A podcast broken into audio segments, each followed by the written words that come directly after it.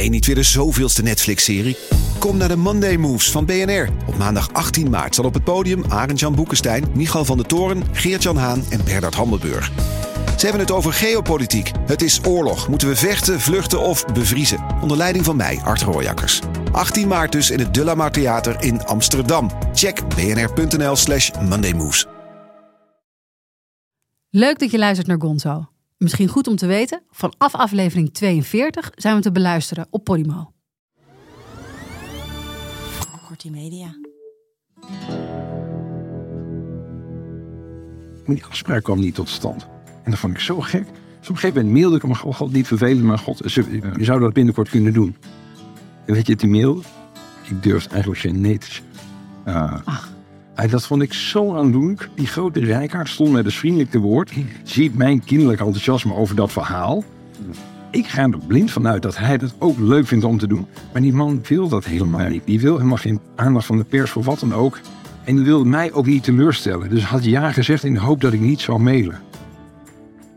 Dit is Gonzo, de podcast waarin we praten met journalisten over dat ene verhaal in hun carrière dat ze altijd is bijgebleven. Het kan zijn omdat het een scoop was, opzienbarend was, riskant, gelauwerd, ontroerend, onthullend of gewoon omdat het een mooi of goed verhaal was. Mijn naam is Merel Westrik, tegenover me zit Frans Lomans, oud-hoofddirecteur van, nou doe zelf een keer het rijtje eh, Frans. Eh, sportweek, panorama, nieuwe revue. Kijk, het recept van onze podcast is eigenlijk heel simpel. We nodigen één journalist uit per keer. Het verhaal moet gepubliceerd zijn. Verdere vereiste Frans. Eh, dat het een leuk iemand is die weer te gast hebben. Wij brengen toch een uur van ons leven met die gast door. Dus het moet wel een, eh, een beetje interessant zijn. En jij bent ervoor teruggekomen van pensioen. Dus ja. Dus eh, nee, we, kunnen geen tijd eh, verspillen. we hebben een leuke gast dit keer. De journalist die we vandaag hebben uitgenodigd schreef een prachtig verhaal waarin Ruud Gullit en Frank Rijkaard een rol spelen. Jij hem wel eens geïnterviewd, Frans, ooit? Ik heb, ik heb beide wel eens geïnterviewd. En, twee totaal verschillende mensen.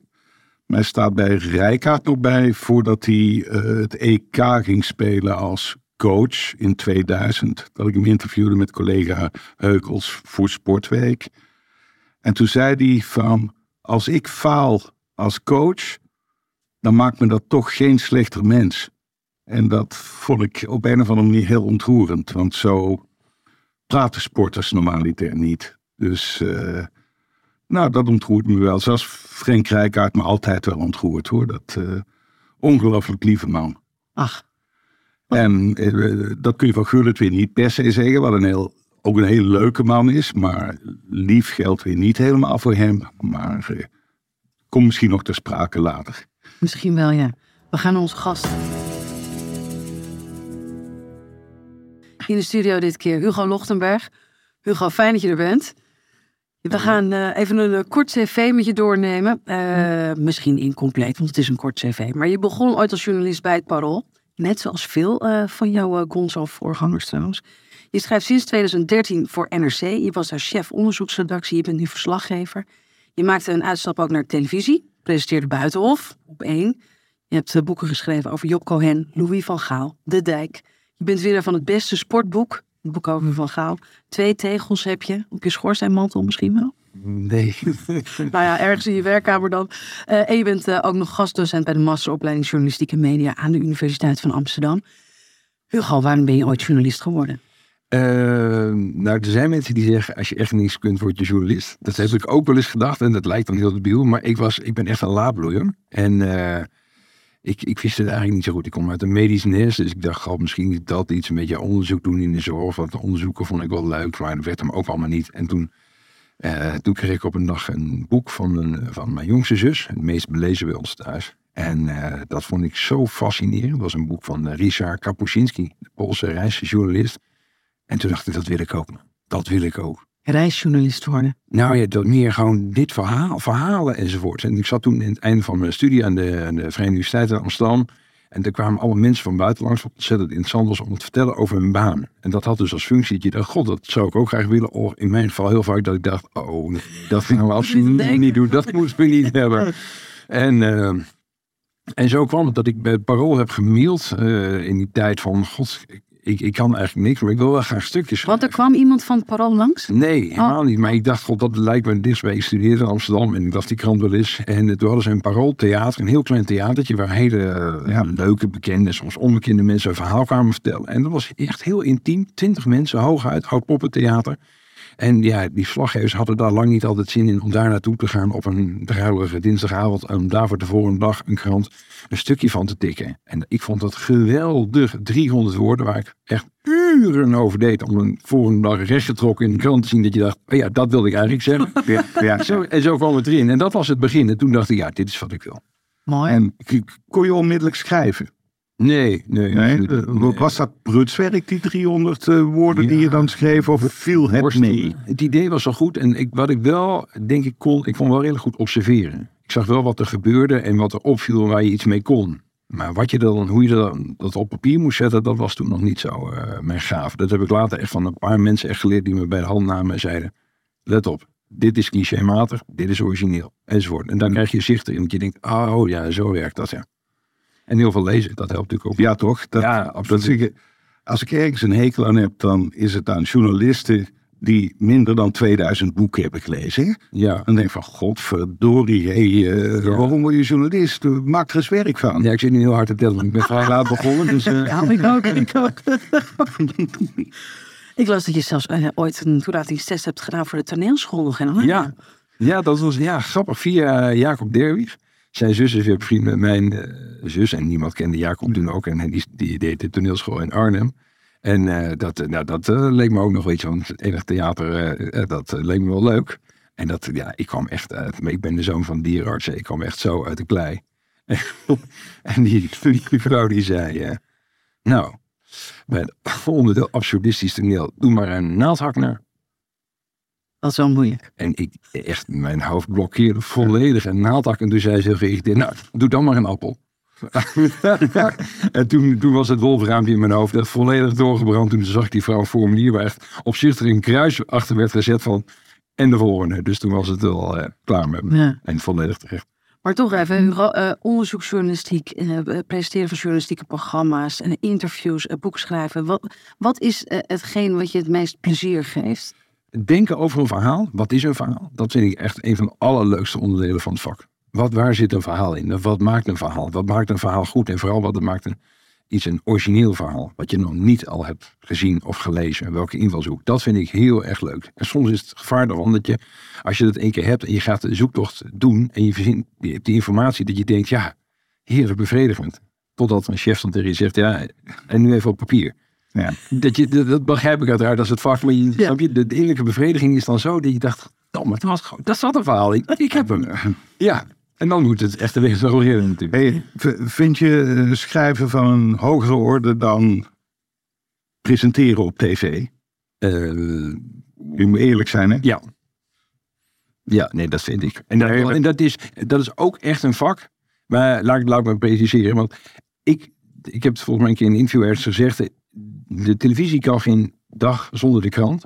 En de krant kan echt wel een paar weken zonder televisie. Dat is echt een belangrijk verschil. Bijna ieder televisieprogramma begint met het lezen van de kranten. En daar wordt toch, niet lullig bedoeld, maar niet overal. Hè? Nieuwsuur maakt een geweldig programma, geen misverstand. Er zijn er nog, nog een paar. Maar het echte denkwerk en het voetenwerk wordt verzet bij kranten. Dat is, dat Ja. is er echt zo. En dat vind ik heel inspirerend, die dynamiek. Dat iedereen daar aan het rennen en het duwen is en met verhalen binnenkomt. Maar vind je je tv-carrière tussen aanhalingstekens mislukt? Of, of was het gewoon Nee, niet. niet leuk genoeg? Of wat Nee. was dat? Nou, ik vond het leuk, maar ik vond het niet mm, denderend. Nee. Niet Nee. bevredigend genoeg misschien. Nee, ook niet echt, denk ik. En dat zou wel kunnen hoor. Er zijn echt wel programma's, denk ik, waar je echt jezelf helemaal in kwijt kunt. Dat dat fantastisch is. En misschien had ik daar meer geduld voor moeten hebben. Maar dat is niet mijn eh, sterkste eigenschap. Toen dacht ik, er zijn echt nog veel andere dingen die ik echt ook heel graag doe. Dus hoewel het een prachtig medium is, geen misverstand daarover. Hugo, toen we jou eh, vroegen om hier te komen praten over dat ene verhaal uit je carrière, dat je altijd is bijgebleven, wist je toen meteen welk verhaal dat moest zijn? Eh, ja, gek genoeg wel. Omdat je dan snel geneigd bent om te denken... dat is mijn grootste scoop of dat soort dingen. En dat was niet zo. En dat heeft misschien, dat klinkt heel belegen nu... maar ik ben eind 40. Dan ga je ook op andere dingen letten. En dat verhaal dat we zo gaan bespreken is mij... jij gebruikt straks over Frank Rijkaard het woord ontroering. Ja, dat, dit verhaal heeft mij ontroerd. Want dit, dit gaat waarschijnlijk over voetbal, over een team. Maar dit gaat helemaal niet over voetbal. Dit gaat over maatschappelijke verandering. Dit gaat over verheffing. Dit gaat over teleurstelling. Dit gaat over verwondering. Dit gaat over de grote maatschappelijke thema's aan de hand van een voetbalteam waar toevallig twee latere grote sterren in hebben gespeeld. En dat vond ik, uh, ja. Dat... Dit gaat over het leven, hè? Ja, exact. Ja. exact. Het is een uh, prachtig verhaal. Het verhaal waar we het over gaan hebben. Uh, het verhaal werd op 14 oktober 2022 gepubliceerd in NRC. Je schreef het samen met collega Thijs Niemands Verdriet. En de titel van het verhaal is één elftal foto, twee wereldsterren. Maar hoe verging het de andere? En het gaat over een uh, oude foto van een jeugdteam van de Amsterdamse voetbalclub DWS uit 1976. En daarop zijn direct eigenlijk twee jongens te herkennen. Frank Rijkaard en Ruud Gullit. En je bent op zoek gegaan naar de levensverhalen van de andere jongens op de foto. Die inmiddels mannen van 60, 60 uh, waren. Uh, het is zoals je zegt een schitterend verhaal. Dat uh, eigenlijk misschien wel helemaal niet over voetbal gaat. Laten we bij het begin beginnen. Wat is het startpunt van dit verhaal? Hoe kwam u erop? Ik was bij DWS. Uh, uh, een van mijn kinderen speelde daar. En ik haalde, uh, zoals dat gaat, in de rust koffie en thee. Ja. En ik werd helemaal gebiologeerd door die foto die daar hing. Een fotootje in een lijstje. En ik dacht, hé, ik zag meteen die twee. Ik herkende ze meteen, want zo moeilijk is dat niet. Gullit en Rijkaard. Maar ik was meteen helemaal gebiologeerd door die foto. Want ik dacht, hé, hoe kunnen die man zo groot zijn in vergelijking met hun teamgenoot? Ja, want omschrijf die foto, ze tornen er. Je ziet allemaal jochies staan van een jaar of, ik schatte toen 12, 13, dat bleek ook 13, 14 ongeveer. En dan staan er twee beren van kerels, dus donkere jongens, echt een kopgrote, wat ook onlogisch is, want ze zijn heel goed, dus dat waren ze toen vermoedelijk ook al. Dan verwacht je dat ze tot de kleinste behoren, omdat ze met oudere teams mee mochten doen. Ja.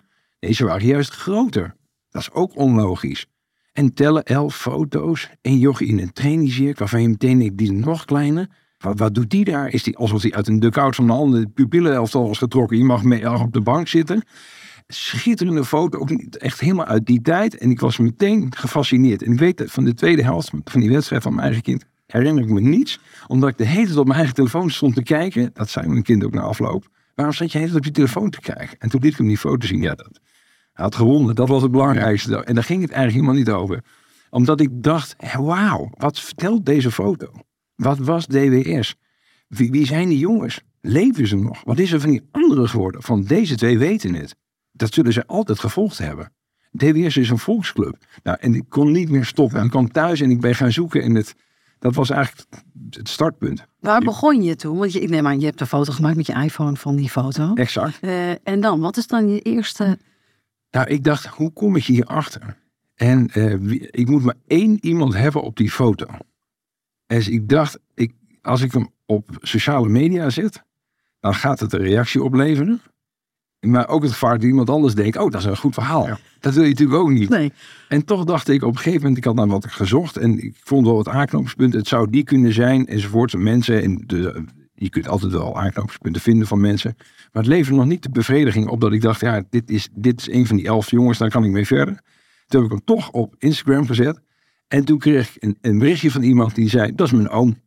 Ach. En die heb ik de volgende dag opgezocht. En ik dacht, zo journalistiek is natuurlijk ook wel dat ik dacht, binnenhalen. Dit, dit verhaal moet wel bij me blijven. En dat was uh, de zoon van een kolenboer uit de Spaarndammer buurt. Met onvervalst Amsterdams accent. En die kon nog drie, vier andere namen opnoemen. En dat was het startpunt om met, uh, zo met de volgende te gaan praten. En de volgende en de volgende. En DWS, heel even, wat is DWS eigenlijk voor voetbalclub? Het betekent door wilskracht sterk, ja. denk ik. Ja, dat klopt. Ja, door wilskracht sterk. Echt een klassieke uh, voetbalnaam. Ja. Uh, Zwart-blauw gestreepte shirt. En dat is echt een eh, volksclub. Uh, begonnen in de Spaarndammer buurt. Echt een volksbuurt in Amsterdam, voor wie dat uh, niet weet. Met ook een heel roemrucht verleden. Zijn landskampioen geweest ooit in Nederland. Hebben Europa Cup 1 gespeeld. Internationals voorgebracht met echt schitterende namen. Frits Flinkevleugel. Rob Rensenbrink. Ja. Jan Jongbloed. Het had allitereert ook nog allemaal lekker. Ja. En er is een huis lied bleek er te zijn. Een DWS Mars. Ingezongen door, vertelden ze mij later. Althans tijdens de research Rob de Nijs. Ach. Nou, dat, dat, ja. dat verzin je dus. En zo viel je van de ene verbazing in de andere. Dat je denkt, wauw, wat zit hier nog meer achter? Dat clublied, daar moeten we even naar luisteren, Hugo. Ja,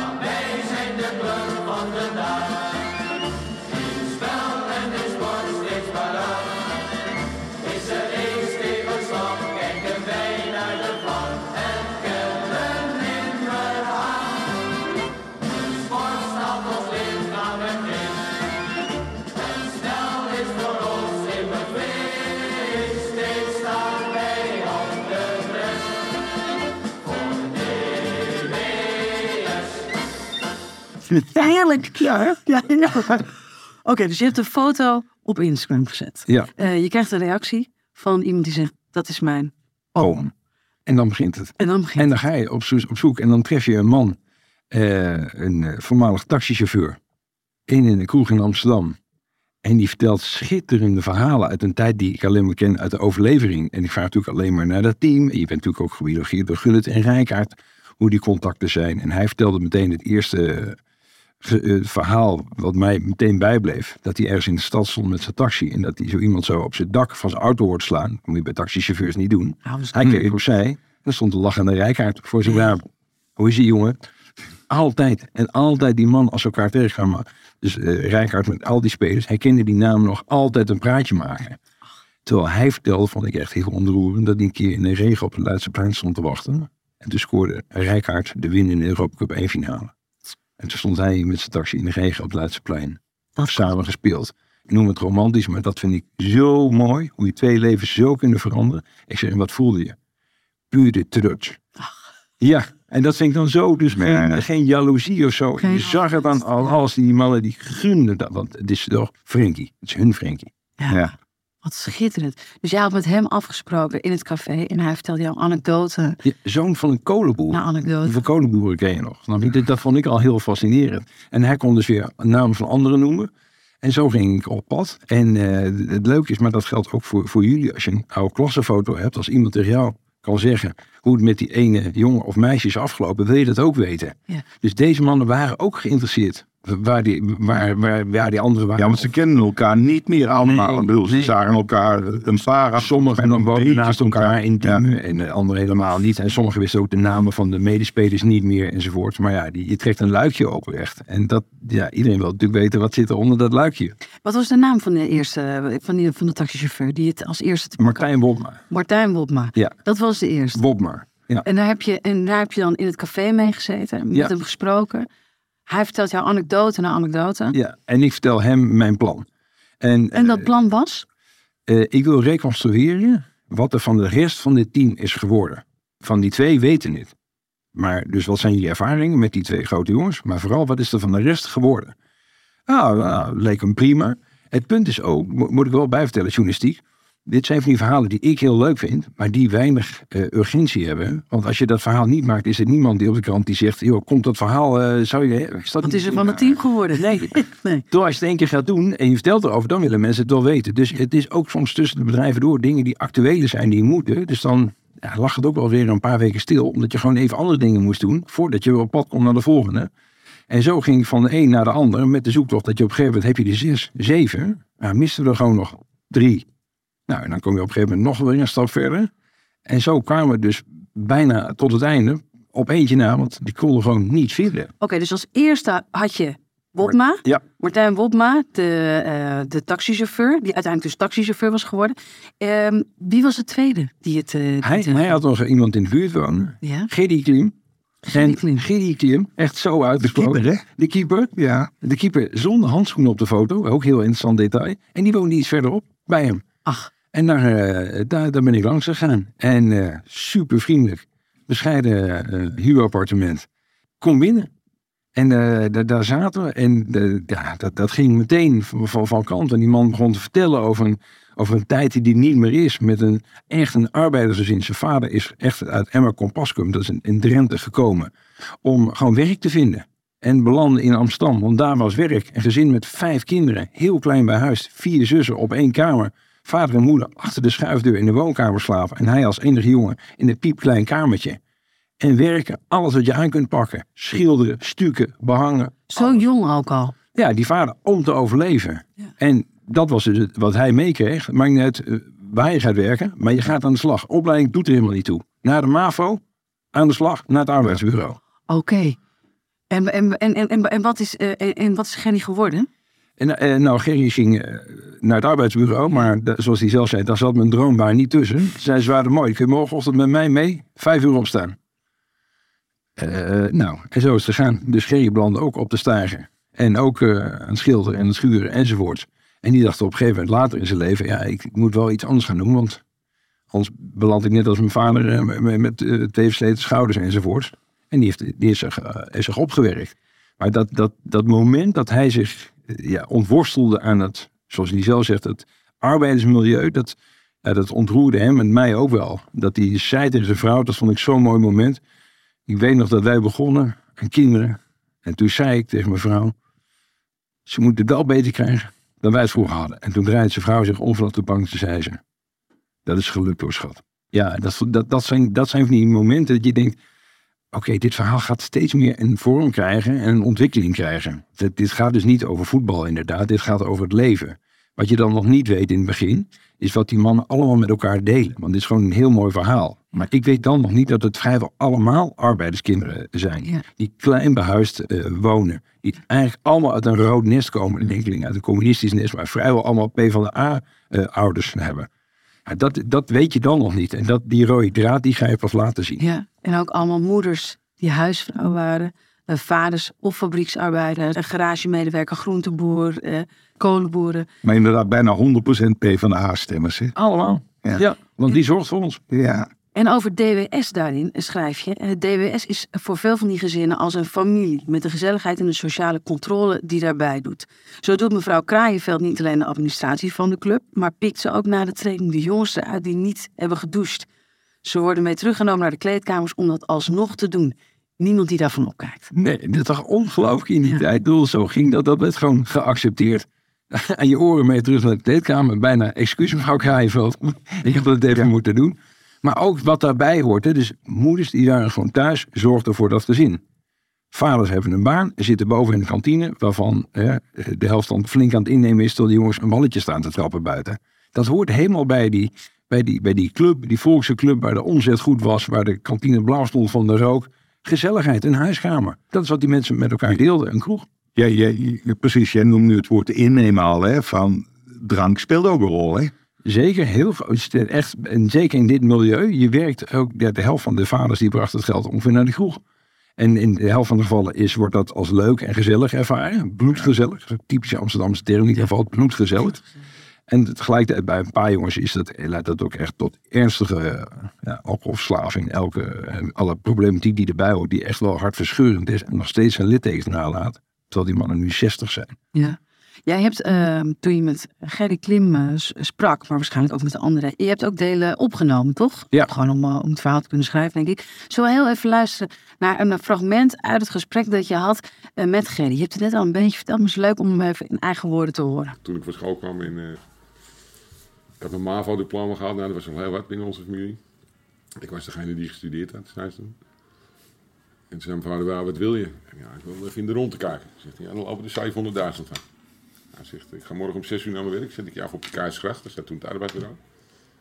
Ik zeg, pas 6 uur gaat om 9 uur open. Zegt hij, ja, mooi. De eerste zijn de mooie banen er nog. Ja, zet me om 6 uur af. Ik kwam vanmiddag daar. Zei hij, en? Heb je dat gevonden? Zeg ik, nee. Zeg die mooi, morgen met mij mee. En nooit een dag thuis zijn. Gewoon werken. Ja. En ziek. Als ik zei, pa, ik ben ziek. Zei die moet je geopereerd worden dan? Zeg ik, nee. Dan ben je niet ziek ook. Als je niet geopereerd wordt, dan ben je niet ziek. Moet je gewoon werken hele andere mentaliteit als vroeger. Weet je, tegenwoordig. En, ik denk dat ik morgen niet ben. Ik flikker op man. Hij wil dus heel graag, zoals heel veel mensen in die, in, die, die jongens in die tijd, een brommer. Dat is echt, dan hoor je er echt bij. Dus hij is in een exemplaar uitgezocht, neemt zijn vader mee naar een brommerzaak, laat het hem zien. En die vader die kijkt hem aan, laat een moment stil te vallen en zegt dan tegen hem.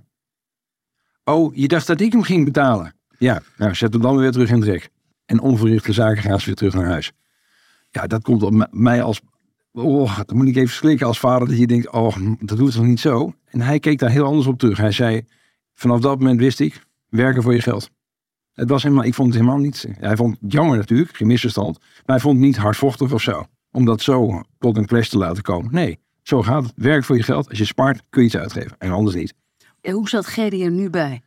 Gerry zit er heel warmpjes bij. En dat is, dat is heel leuk, want die man heeft zichzelf opgewerkt tot, tot uh, voorman in een fabriek. Met, uh, met coatings in, aan de rand van een industrieterrein. Heeft een eigen kantoortje met een koffiezetautomaat aan de hoek. Telefoon van de zaak en de auto van de zaak. En is volkomen gelukkig. En hij zegt, als mijn vader dit had gezien. Die weet niet wat hij had gezien. Ja. En, en zo raakte je best vaak ontroerd hè, tijdens het maken. Ja, dat klinkt heel gek, maar dat dit. is echt waar. Voor mij is dit verhaal echt vrijwel allemaal ontroering. Omdat je, eh, en dat is een van de opvallendste uitkomsten, vond ik, van dit verhaal, van deze research. En dat is het leukste aan ons vak. Dat je iets vindt wat je niet verwacht. Het is namelijk een verhaal wat volledig contrair staat op het huidige tijdsbeeld. Het zijn namelijk intens tevreden mensen. Ze hebben namelijk allemaal beter gekregen dan hun ouders. Dus deze mensen zijn volkomen tevreden. Geen geklaag, helemaal niet. Fantastisch leven toch? Wat, is, wat gaat er niet goed? Zat er, zat er iets van heimwee in, in, in- na, na die tijd bij Ja. die mensen of toch ook niet? Want ze zijn nu ook volgens mij bijna allemaal redelijk gelukkig. Ja, zeker. Nou, er zit vooral denk ik iets van nostalgie in. Een sfeer Ja. van gezelligheid. Amsterdammers met elkaar. Echte Amsterdamse geintjes. En die echt van die, van die voetbalhumor. De hele tijd met elkaar geintjes uithalen. En de, de, de, de stad is, is een vrijplaats. Je mag doen wat je wil. En die, die, de vader van Gerry Klim die drinkt ook eh, vrij stevig door. En die loopt de kantine uit in datzelfde jaar. Dus die jongens zijn 14. En die vader Klim geeft zijn sleutels aan zijn zoon om te rijden. En Gerry zegt, "En- maar pa, ik heb helemaal helemaal geen rijbewijs. Waarop die vader zegt, mooi, kunnen ze hem ook niet afpakken. Ja. En dan reed hij naar huis, hoort het en stotend. Ja, dat is natuurlijk ongelooflijk in deze tijd. Maar het is ook een soort romantiek van, dat kon dus gewoon in die tijd. Het, het gaat over een tijd die jij niet hebt meegemaakt. Hè? Ik bedoel, je bent Ik- net ongeveer rond die tijd geboren. Ja, exact. Ja, Dus eh, voor jou was het eigenlijk ook best nieuw. ja zeker. In- absoluut. En jongen, ik ben jongen van het platteland, dus dit was Ja. sowieso, eh, dit soort verhalen, daar smul ik van. Maar dat, daar heb ik geen enkele persoonlijke affiniteit mee verder. In de zin van dat ik het ken. Ik vind het hartstikke interessant om te horen allemaal. Maar jij wordt 68, Frans. Dit is een tijd die jij wel kent, of niet? Hier wel, maar ik kwam van het platteland. Hè. Ik bedoel, ik, eh, wat ik het ergst toch herken is, is natuurlijk wel die, die drank. Hè. Ik bedoel, bij mij was het ook de bedoeling dat ik op mijn twaalfde begon te drinken. Dat hoort er gewoon bij, bij dat... eh, Maar als een soort van gezelligheid. Of, moet je- ja, eh, eh, het kon niet anders. Je bent twaalf, dus dan neem je bier. Punt. Hè? Zeker op zondag, hè. Dat, dat moest. Na de kerk, aan de drank. En dan dronk je door tot je niet meer kon. Ja. Maar het Limburgse platteland en het Amsterdamse volkswijk... Lijkt misschien toch wel een beetje op elkaar, hoor. Misschien heel klein beetje. Nou, de vader van Gerry Klim, die, zet- die nam zijn zoon mee naar de kroeg. Ja. Zet hem op de bar en zegt, vertel me moppen. Ja. En zo haalde hij zijn zakgeld binnen. Want iedereen gaf hem wat eh, voor die leuke mopjes die hij vertelde. Nou, dat was de aanmoediging om een week later natuurlijk weer mee te gaan. Geweldig. Ja, We gaan naar eh, een, een nieuwe elftalspeler die je op een gegeven moment eh, achterhaalt. Eh John Bonsink. Eh, zoon van een arbeider in de Maggi-fabriek in Halfweg. eh, die in de avonduren bijkluste met het maken van eh, rieten en biezen matten. Wat was er van John terechtgekomen? nou, John is heel bijzonder, want John is de broer van Karel Bonsink. Dat is voor echte voetballiefhebbers nog een begrip. Die speelde namelijk ooit bij Ajax. Dat is zijn oudere broer. En John was ook getalenteerd. Dus John was overal de broer van. En had, had ook talent. Dus ging ook wel het verschoppen. Maar John was een hele gillige linksbuiten in voetbal. Vaak metafoor voor een beetje vlierenfluiters die technisch heel goed zijn. En dat was hij ook. Puberaal, zich afzetten tegen docenten. Niet met macht om kunnen gaan. Of met mensen met enig gezag enzovoort. Dus hij heeft één seizoen toch betaald voetbal gespeeld bij Volendam. En toen voelde hij gewoon, maar dit is helemaal niks voor mij. En toen is hij ermee gestopt. En vanaf dat moment, zei hij zelf, was ik niet meer de broer van. Ach ja. Dus dat was zoiets groots Ja. geworden in zijn leven. Dat je overal binnenkomt als de broer van. Dat hij dat niet meer had. Voelde het als een verlossing? Ja, nog steeds. Toen we spraken voelde hij nog Ja? steeds. Ja, dat hij niet meer de broer van is.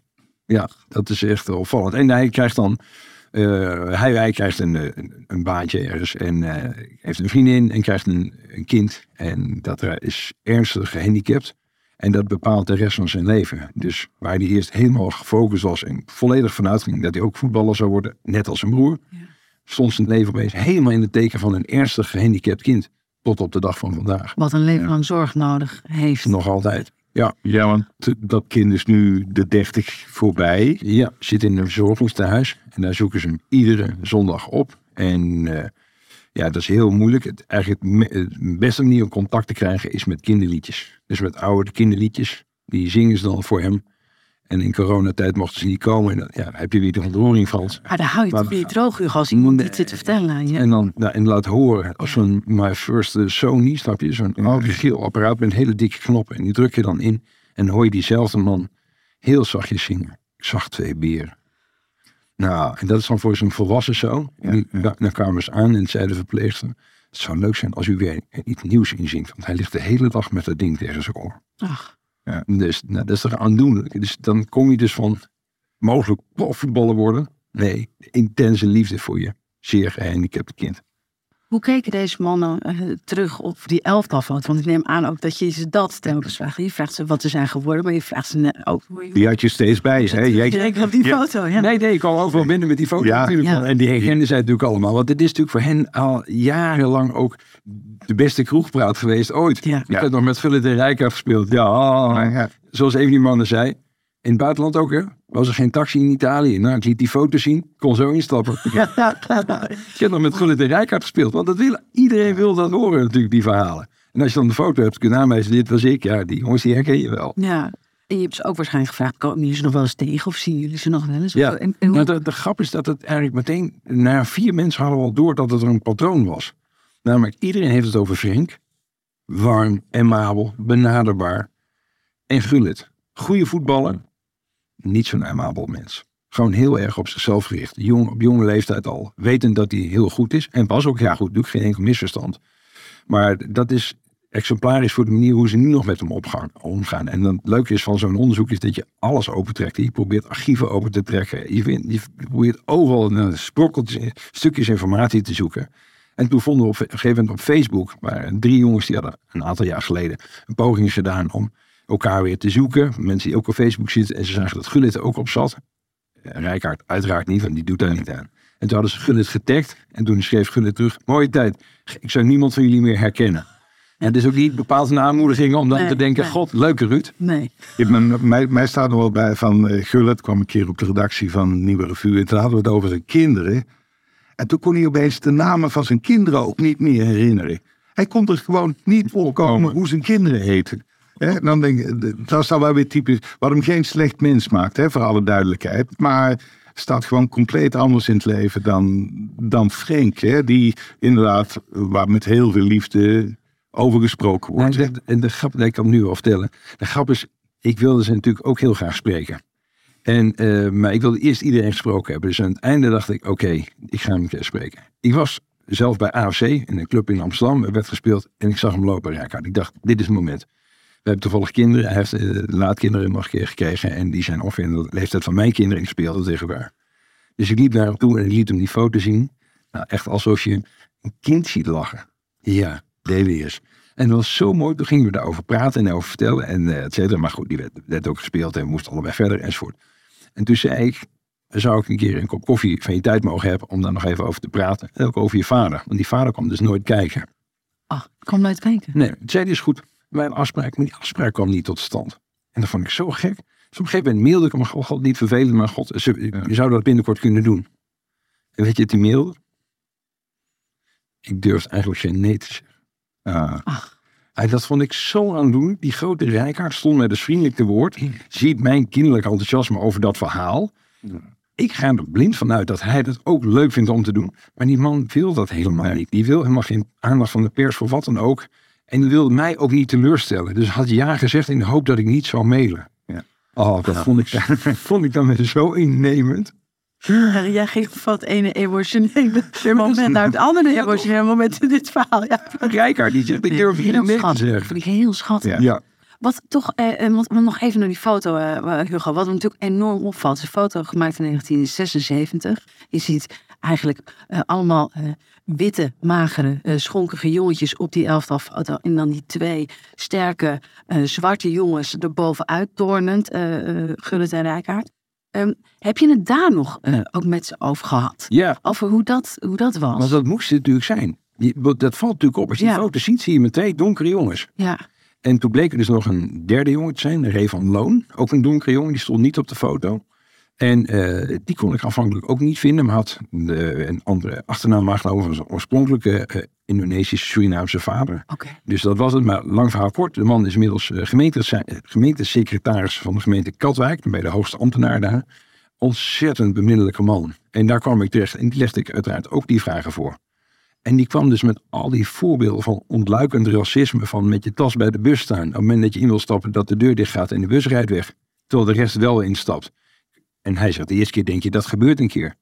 Totdat het net iets te vaak gebeurt.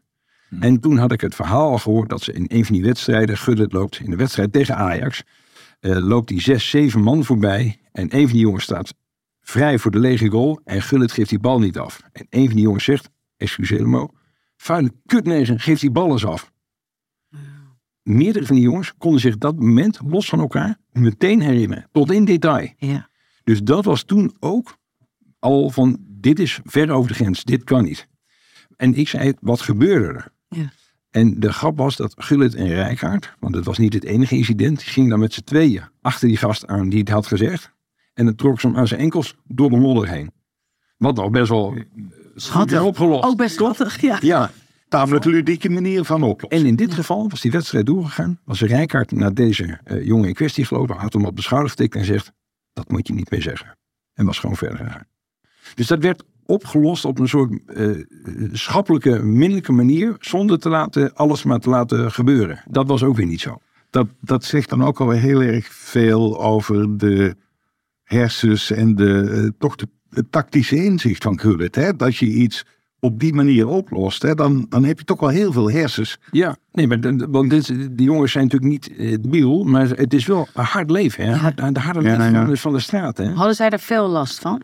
Nou, de grap is dat ze zelf zeggen van niet omdat ze met hele andere dingen bezig waren. Maar als je dan iets lang over doorpraat, dan merk je dus met zo'n voorbeeld met de bus, maar ook andere voorbeelden, dat ze de hele tijd dat allemaal wel paraat hebben nog, die voorbeelden. Dus eh, de jongens gaan met z'n allen een toernooi spelen in Deventer bij Go Ahead Eagles. Gaan naar gastgezinnen. En die, een van die ouders zegt, nee, die zwarte die moet ik niet, over Rijkaard. En de vader die mee is, die wisselt. Zegt, Frank, sorry even, ik heb me vergist, ander adres. Hè? Pak je tas maar. Hup. Geeft die man een, een blank kind mee, wit kind mee. En, en Rijkaard heeft er nooit iets van geweten. Ik vroeg het hem, hij zei, ik, ik, dus dat je het nu vertelt, ik wist het helemaal niet. Terwijl de vader die dat had geregeld, zijn zoon, kon het tot op de stoeptegel uittekenen waar het was gebeurd en hoe het was opgelost. Omdat dat thuis zo'n gesprek was geweest, dat iemand had gezegd, die zwarte moet ik niet. Ja, afschuwelijk. Ja. Dus één eh, elftal eh, speler die je heel lang niet kan vinden. Bernardo Brink. Ja. Hoe kan dat? Sprekend over ons vak, u begrijpt, is dat een van de grootste frustraties. Dat je iemand niet kunt vinden. Ook wel een naam trouwens uit een stripverhaal, hè? Bernardo Bernardo Brink. Maar het lijkt ook bijna niet mogelijk in deze tijden met Facebook, eh, LinkedIn, Sterker nog, ik vond een alles. vond ik foto's van hem. Dat hij nog speelt bij, eh, bij grote amateurclubs op, eh, op hoofdklasseniveau enzovoort. Dus ik, dus ik dacht, die man die moet ik vinden. En uiteindelijk, het enige wat ik kon vinden was een, eh, een, op, eh, een uitzending van Tros opgelicht. Oh, Ja. waar ook een Bernardo Brink in voorkomt. En ik dacht, nou, hij lijkt er wel op, maar het is ook niet meteen dat ik zeg dat is hem. Nee, daar zit natuurlijk, staat ook natuurlijk weer 20, eh, 20 jaar tussen. En in bij zoeken en al die teamgenoten vragen. De helft is zijn naam niet meer. En de paar die nog wel wisten, die zeiden ja, nou, dat, is, dat is Bernardo inderdaad, linkspootje. Ja, dat klopt. Ja, maar dan heb je natuurlijk niks. En eentje zei, Johnny Bonsing, volgens mij zit hij in Ghana. Het is ook niet meteen dat je hem dan morgen te pakken hebt.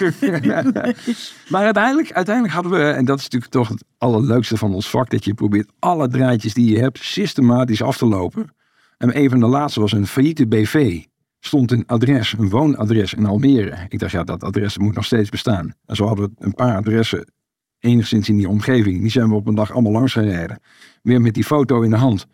En op een van die adressen ging de deur open met zo'n kiertje. En ik stop meteen die foto ertussen. Ik zeg, ik denk dat ik op zoek ben naar je vader. En die jongen die kijkt maar en die zegt, ja, dat is mijn vader. En zonder te weten wat hij bevestigde, stonden wij natuurlijk verjoelend voor die deur.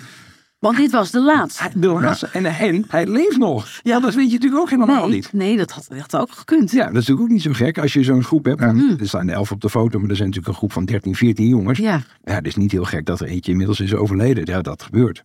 Maar hij, hij zat dus in opgelicht, hè? Wat, eh, En, en dus was de man uit opgelicht inderdaad. Ja, ja dus, en dat is natuurlijk ook weer in die, die zin niet heel gek. Dat als je in de jaren 70 naar Amsterdam-West gaat, echte arbeidersgezinnen. Ja. Hè, op, die, op die MAVO waar eh, Gerry Klim zat, daar zaten ook eh Holleder en Cor van Hout op diezelfde MAVO. En daar begonnen daar hun eerste zaakjes te regelen.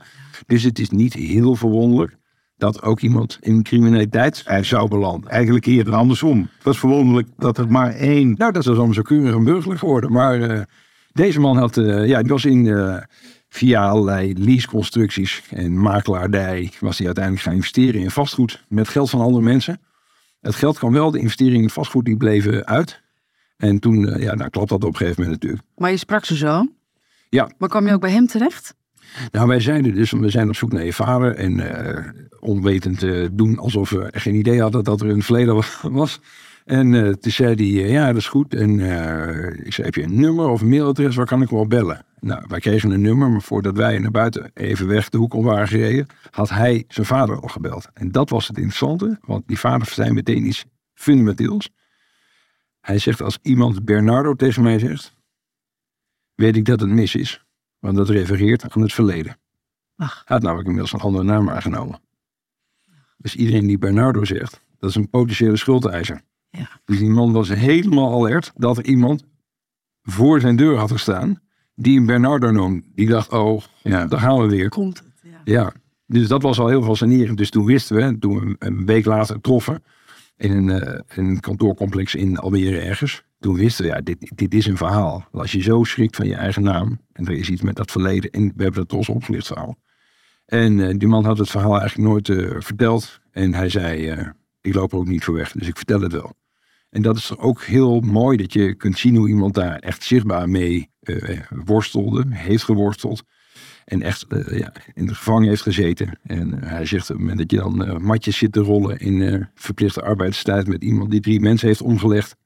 Dan denk je toch wel wat is in mijn leven misgegaan. En dat ik vanavond eh, bij het leger des hels eh, slaap. Ik zei, wat zei die kinderen?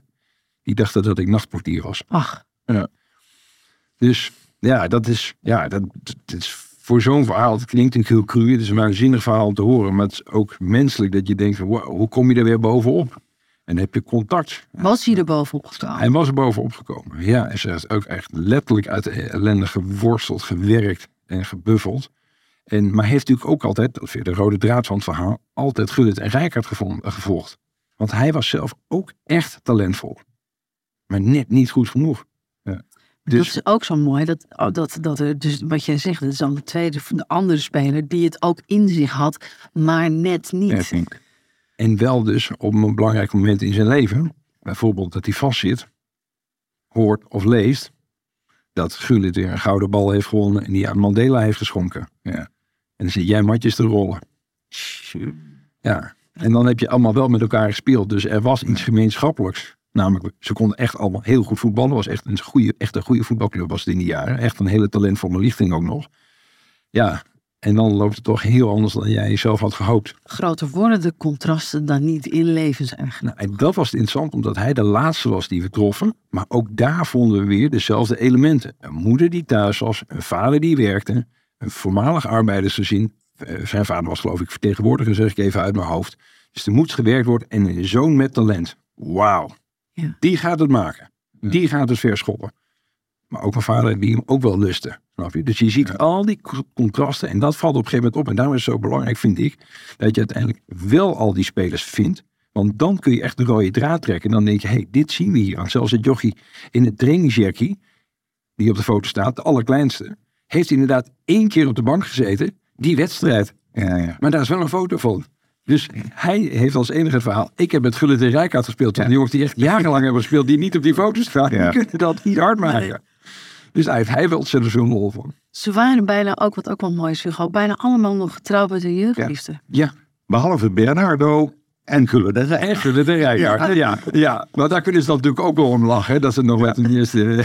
Zo Gerry Klim zei, ik moet er niet aan denken. Scheiden een nieuwe vriendin. Kun je eens een scheet laten in bed? ja, ja dat, is, dat zijn Amsterdammers. Dat volgen ze natuurlijk ook allemaal. Dat Gullit, ik heb er niet bij gehouden, maar heeft er ook al een aantal huwelijken achter de rug volgens mij. En dat is natuurlijk, dus in die zin spiegelen ze zich daar ook aan van.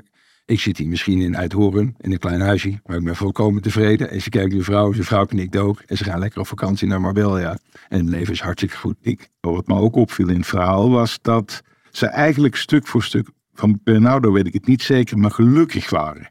ja, We hadden, eh, er kwam er geen voorbij die zei van, Jezus, wat heb ik een kutleven. nee, sterk maar heel tevreden. Volkomen tevreden met wat ze hebben bereikt. En eh, ook helemaal niet overambitieus. Ik moet nog dit of dat. Volkomen tevreden met een vakantie op de camping in Midden-Frankrijk. En volgend jaar weer naar dezelfde camping. En vriendinnen die ze kennen van hun eigen camping in de buurt van Amsterdam. Ze hadden er drie of vier ook allemaal daar hun partner op gedaan. Zo En denk, dat. je, en denk je dat het hem, dat, dat hem zat in, dat, in het feit dat ze het allemaal beter hadden gekregen dan hun ouders? Ja, wat doet jou dat denken dan over de kinderen die jij nu hebt? Ja, dus, Ja, ik kan me zo voorstellen dat als je dat constateert, dat je dan ook denkt, ja, gaan mijn kinderen het ook beter hebben? Ja, nou ja, de, de grap is dus, en daarom vond ik het leuk om over dit verhaal te stellen, omdat het dus niet, dit niet de grootste scoop of zo helemaal niet. Het is in ieder geval een verhaal dat me heel dierbaar is en heel dichtbij me is gebleven, omdat het, dit, gaat over, dit gaat over verheffing. De klassieke sociaal-democratische verheffing. Hoe je van een dubbeltje wel een kwartje kunt worden. Als je erin gelooft en doorzet en je kans grijpt, als je ervoor gaat. En de omstandigheden zijn een beetje gunstig. En die waren lang niet altijd gunstig bij deze mensen. Het punt is, deze mensen hebben zelf ook weer kinderen gekregen. Is het per definitie zo dat hun kinderen het beter krijgen dan zij zelf? Nee, dat is niet meer zo. Die, Vrees, ik vrees van niet. die snelheid is er. Ja. Want hun kinderen kunnen ook niet meer een woning vinden. Of, eh, hè, laat staan een, een huur of een, een koopwoning. Ja. Ja. En dat is natuurlijk, dat zit je wel aan het denken. De- dat, dat, dat dus in één generatie dat dat weer om kan slaan. Of om kan slaan. Het is wel, ze hebben het allemaal beduidend veel beter dan hun opa en oma, zou ik maar zeggen. Maar dat is, dat is een heel mooi gesprek wat je met die mensen ook heel mooi kunt voeren. Want de grap is dus, dat vond ik het ontroerende, dat het dus Amsterdammers zijn met echte Amster- Amsterdamse humor. Ik zal, ik zal de naam niet noemen, maar een van deze mannen was, was vrij groot geschapen. en dat wisten ze allemaal nog. Maar zei dat het tegen elkaar. Volgens mij had hij de pindas er nog mee van tafel. Staat niet in je verhaal. de Joyce wordt Heb je nog nagedacht om, om, om, om een reunie te organiseren? Of om al deze mannen bij elkaar te brengen? Nou, dat heb ik niet gedaan. Omdat dat, dat ja, daar ben ik dan, ja, ik ben journalist. Dat Ja. is niet mijn taak. Ja. Dat moeten zij zelf doen. En ik weet dat die er is geweest en dat eh, veel mannen daar eh, elkaar hebben getroffen. Eh, dat, en vervolgens was er dan later een, een tv-uitzending die- er ook aandacht aan besteedt enzovoort. En dat vind ik heel goed, maar dat moeten zij zelf eh, doen. Ik wil heel even met je, we gaan altijd toch ook wel eens naar het moment van publicatie. Nou, he- je bent natuurlijk ook een journalist die eh, meerdere keren scoops hebt, eh, eh, hebt gehad. Eh, Oud-bondscoach Vera Pauw heeft bijvoorbeeld in jou verteld over seksueel grensoverschrijdend gedrag bij de KNVB. eh, het woongedrag van oud-Tweede Kamervoorzitter eh Khadija Ariep heb je aan de kaak gesteld. Als zo'n verhaal van je verschijnt, dan heeft dat meteen maatschappelijk heel veel impact. De publicatie van dit verhaal is dan anders. Ja. Nou, het lijkt het, als je zo'n, als je een scoop hebt of zo, dan wordt het veel over eh, gedeeld en dan gaat het over de inhoud ervan. En, eh, of mensen trekken, de- trekken eh, een kamp of maar weer een kampenstrijd. Dat gaat hier helemaal niet. Je krijgt hier allemaal mensen die zeggen, ik kreeg een mailtje van een mij totaal onbekende man. Dank voor het beschrijven van mijn leven. En ik dacht, heb ik nou, heb ik nou iemand gemist in dat team? Dacht ik meteen. Maar daar ging het iemand niet over. Die man herkende zichzelf erin. Ja. Zoals ik ook van, van grappig, een, iemand die actief is geweest eh, in Den Haag voor de Partij van de Arbeid, die stuurde me een appje en die zei, dit is het beste stuk over de verval van de PvdA in jaren. Ah, En toen dacht ik, ja, grappig, ja, dat kun je er ook in lezen. En, dan- en zo vond iedereen er iets van zichzelf in. Of mensen met, eh, die komen uit een gezin waar alcohol echt een enorm probleem was, die zich daar heel erg in herkenden. Of mensen die adviezen gaan sturen aan een van de spelers die worden beschreven. Die dan, een van die spelers die vertelt dat dat ja, zijn gezinsleven verwoest heeft. Dat, althans het oude gezin waar die uitkwam, die drank. En eh, ja, dat nog altijd heel moeilijk vindt en pijnlijk vindt. Dan gingen mensen adviezen sturen enzovoort. Ja, dat is echt heel aandoenlijk. Dat is niet het, eh, de journalistiek die ik normaal gesproken bedrijf. Dat ik dat soort eh, reacties krijg. Dus dat was echt heel bijzonder. En het werd ook heel goed gedeeld. En je zou denken dan over onder een bepaalde generatie. Maar dat was helemaal niet zo. Er waren ook heel veel jongeren die... die, die appte en die zei, is dit ook in, komt dit door geen podcastvorm? Of, eh, ja. Ja. Dus Ja, dat, ik dat moet ik heel leuk. Want jij vertel, je hebt het mij eh, een jaar geleden dat we elkaar troffen ergens. Heb jij verteld dat je hiermee bezig was. En toen dacht ik ook meteen, dit is een documentaire. Schitterend. Het is een prachtig verhaal van een generatie, van zo'n team. Het is schitterend. Ja, nou nog één, de één, één ding wat ik dan... Frans heeft het woord eh, gedoopt in deze uitzending. Het sentimenten, dat, dat een van die mannen, Ruud Vis... een prachtig levensverhaal, eh, hoe hij zichzelf ja, door het leven heeft geschopt. Dus eigenlijk zichzelf op te voeden omdat die drank zo alomtegenwoordig was. Maar die nog altijd nauwkeurig kan beschrijven... hoe hij op zijn oranje Peugeot racefiets...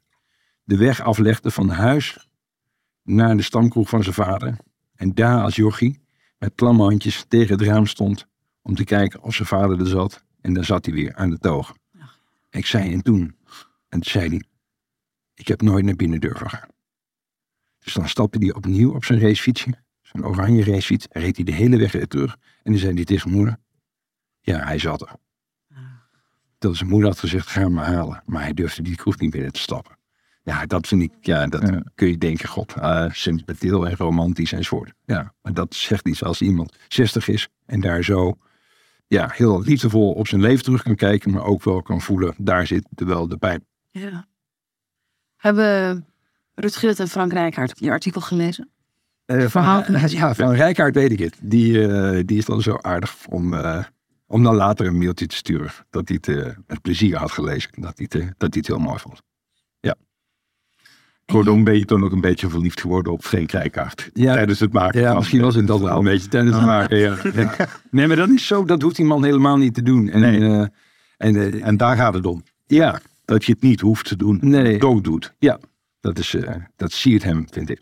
En je hebt ze, Hugo, wat ook, eh, eh, je hebt ze allemaal gesproken en weten te vinden. Ja. En weten te achterhalen. Dat had natuurlijk ook anders kunnen gaan. Ja, ja, ja, ja, dat vind ik dan weer niet. Dat is de, nee, maar dat is de, nee, dat is de essentie van het vak. Daar, daarmee vind ik dit heel leuk, want ik denk ook eerlijk gezegd dat ik het zelf 10, 15 jaar geleden niet had kunnen maken. Omdat ik ben heel erg verliefd op de onderzoeksjournalistiek. En die, al die technieken die je daarin toepast, die heb je nodig om dit verhaal te kunnen maken. Waarbij een van de opties niet is, ja, we hebben er acht gevonden Ja. van elf. Nee, nee, je vindt ze allemaal. En daar zit juist het verhaal in. Juist ook in dat ene jochie die amper in het stuk voorkomt, maar die wel twee cruciale details kan herinneren. Dat je denkt, oh wauw, dat vertelt het hele verhaal eventjes. Dat vind ik heel mooi om te zien. Dus dat die jongens staan te douchen en dat zij zich nog herinneren dat er altijd een man binnenkomt die even de deur open doet als zij nou maar net naakt onder de douche staan. En dat Gullit de man is die naar die deur loopt, die kerel vastpakt en zegt nog één keer viespeuk, ik sla je hartstikke dood. En nooit meer is die man waargenomen. Dat is wel een van die mensen die amper in het verhaal voorkomen. En dat hoort ook bij iedere tijd helaas, maar ook bij die tijd. Of het voor één gulden vier keer spelen voor een flipperkast. Maar wie had er een gulden, 17 jaar? Wie had er een gulden? Niemand. Dus gingen ze ouders vragen, dubbeltjes. En uiteindelijk hadden ze dan één gulden. En wisten ze alle techniek om de bal zo lang mogelijk in het spel te houden. Want als die bal weg was, gulden weg, einde middag. Ja, dat is toch geweldig als je dat nog kunt terughalen. Prachtig.